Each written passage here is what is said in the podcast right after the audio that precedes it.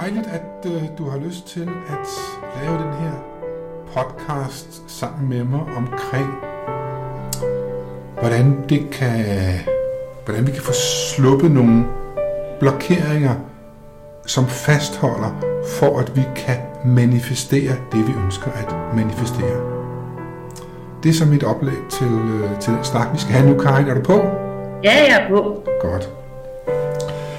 Men jeg har, jeg har lige noteret mig, at jeg tror, vi mødtes på en workshop i november 2013. Var du på en Ho'oponopono workshop? Det er helt rigtigt. Ja. Og så har du sidenhen også været på et par til, og havde, har haft rigtig meget interesse omkring Ho'oponopono. Ja, det er helt rigtigt. Ja. Og hvorfor vi laver den her podcast, det er jo fordi, at du har haft ja, flere gode oplevelser, men vi skal snakke om en god oplevelse her. Og øh, jeg vil lade dig, dig fortælle. Ja, men det er helt fint. Det vil jeg gerne. Altså, det jeg vil understrege ved denne her fortælling, er, at det er så vigtigt, at man får brugt de rigtige ord i de bønder, vi får lavet. For det er det her et eksempel på. Ja. Øhm, og jeg kan jo fortælle, at øh, jeg var på en videregående Ho'oponopono hos dig, der startede i januar måned i år. Og har arbejdet vi med, hvordan vi lavede de, eller skrev de forskellige bønder på de forskellige problemstillinger, vi måtte have. Det er korrekt. Øh, Øh. hvad siger du? Ja, det er korrekt, det var du. Ja, og øh, det startede den 21. januar, men den 28. januar øh, gik vi i dybden med øh, nogle, en, ja, en af bønderne. Og øh, der sagde jeg til dig, at øh, en vi havde lavet sammen i februar måned 2015 omkring et hussalg, der var, havde, havde i gang i nede på Lolland, at øh, jeg undrede mig over, at der ingenting var sket i det år, der faktisk var gået. Øhm, og jeg vil egentlig gerne have, hvis du vil være med på at kigge på den igen. Det er rigtigt. Vil du prøve at fortælle, for det ved jeg jo, hvor lang tid har du haft det hus til salg? Ja, huset har været til salg siden 2006. Og øh, det nærmeste, der egentlig, der har været nogle få ude at kigge på det, men aldrig nogen, der egentlig rigtig har været interesseret. Øh, de har været der en enkelt gang. Det er måske på alle de år, 10 år, er det måske 5-6 fremvisninger, der har været max. Der var en i 2007, der dog førte til, at der blev lavet øh, tilstandsrapport. Mm. Men det endte ikke noget salg, og så har der faktisk ikke været sket rigtig noget siden. Okay. Øh, du siger så ja til, at vi går den der bøn igennem. Bønnen, vi havde lavet i februar måned 15, den indleder jeg med, at på mit hus på Lolland.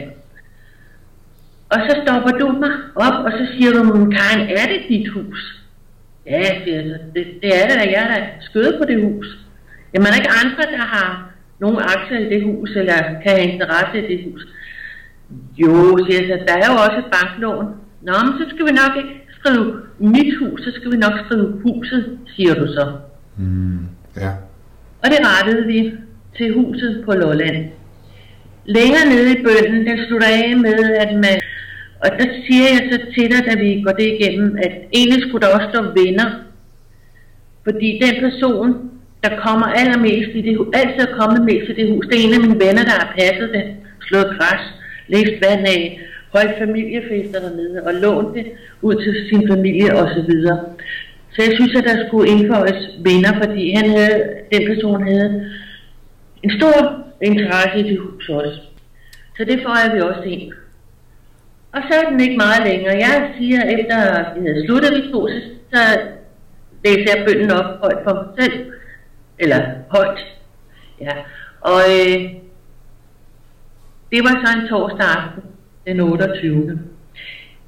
Om mandagen efter, mandag den 1. februar, bliver jeg ringet op af ejendomsmæleren, som siger, at han fredagen, altså dagen efter vi havde lavet bønden om, der har han fået en henvendelse fra et par i Græsø, der gerne vil ned og se huset fredag den 5. Ja, februar. Og øh, jeg siger bare ja, og det er jo, lyder jo godt, da jeg har havde lidt kriller i maven, fordi jeg tænkte, skal der nu noget? Nu har jeg ikke været overhovedet nogen fremvisninger i halvandet år på det hus, og pludselig så dagen efter vi har lavet om, så, så var der en henvendelse. Øh, de var så nede og se det, den familie, den øh, 5. februar, og øh, ringer, jeg bliver ringet op af ejendomsmaleren ved kl. 15 cirka, og han siger, at de har været meget, øh, de synes rigtig godt om huset. Han kunne mærke på dem, at de kunne godt lide det hus, så han var lidt spændt på, om ikke det kunne udvikle sig til noget.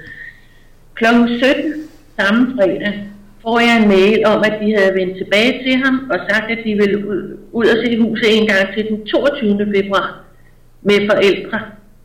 Okay. Og øh, Fantastisk. ja, klokken halv otte samme aften får jeg endnu en mail. Ej, nu er de ringet igen og sagt, at de ville allerede ud og se det mandag den 8. februar. Altså, de havde været der fredag den 5. de ville se det mandag den 8. Medforældre, de har overtalt forældrene, som kom fra Jylland, til at komme samme weekend. Øh, de var så ude at se det om mandagen med forældre, og det havde været en temmelig grundig gennemgang af faren, kunne jeg forstå fra alt det bygningsmæssige, en der havde forstand på det. Og de siger så efter øh, gennemgang af huset, at de vil vende tilbage tirsdag, altså dagen efter. Og det gjorde de, at de ville købe huset, som blev set. Fantastisk. Fantastisk. Altså, det var jo så næsten, altså det var næsten så narkoen rejste. Ja. Men altså, de ville jo så også presse prisen, så derefter kom der så lidt forhandlinger prismæssigt frem og tilbage. Ja. Men de ville øh, gerne overtage det allerede den 15. marts, så det skulle gå stærkt. Okay. Fantastisk. Og øh, det er sådan set historien, men, Ja. men altså, det vil sige, at allerede dagen efter bønden var blevet ændret, sker der faktisk noget, for der henvender de sig til maileren og beder om det. Jeg synes, det er fantastisk. Og jeg, Ja, Jeg kommer, jeg kommer til at tænke på min egen historie omkring det, hvor, hvor hurtigt tingene sker nogle gange. Ja. Øh, Du har sikkert læst den eller hørt den, og dig, der lytter til den her podcast, pod, podcast kan finde den andet sted, for jeg går ikke i detaljer med den her.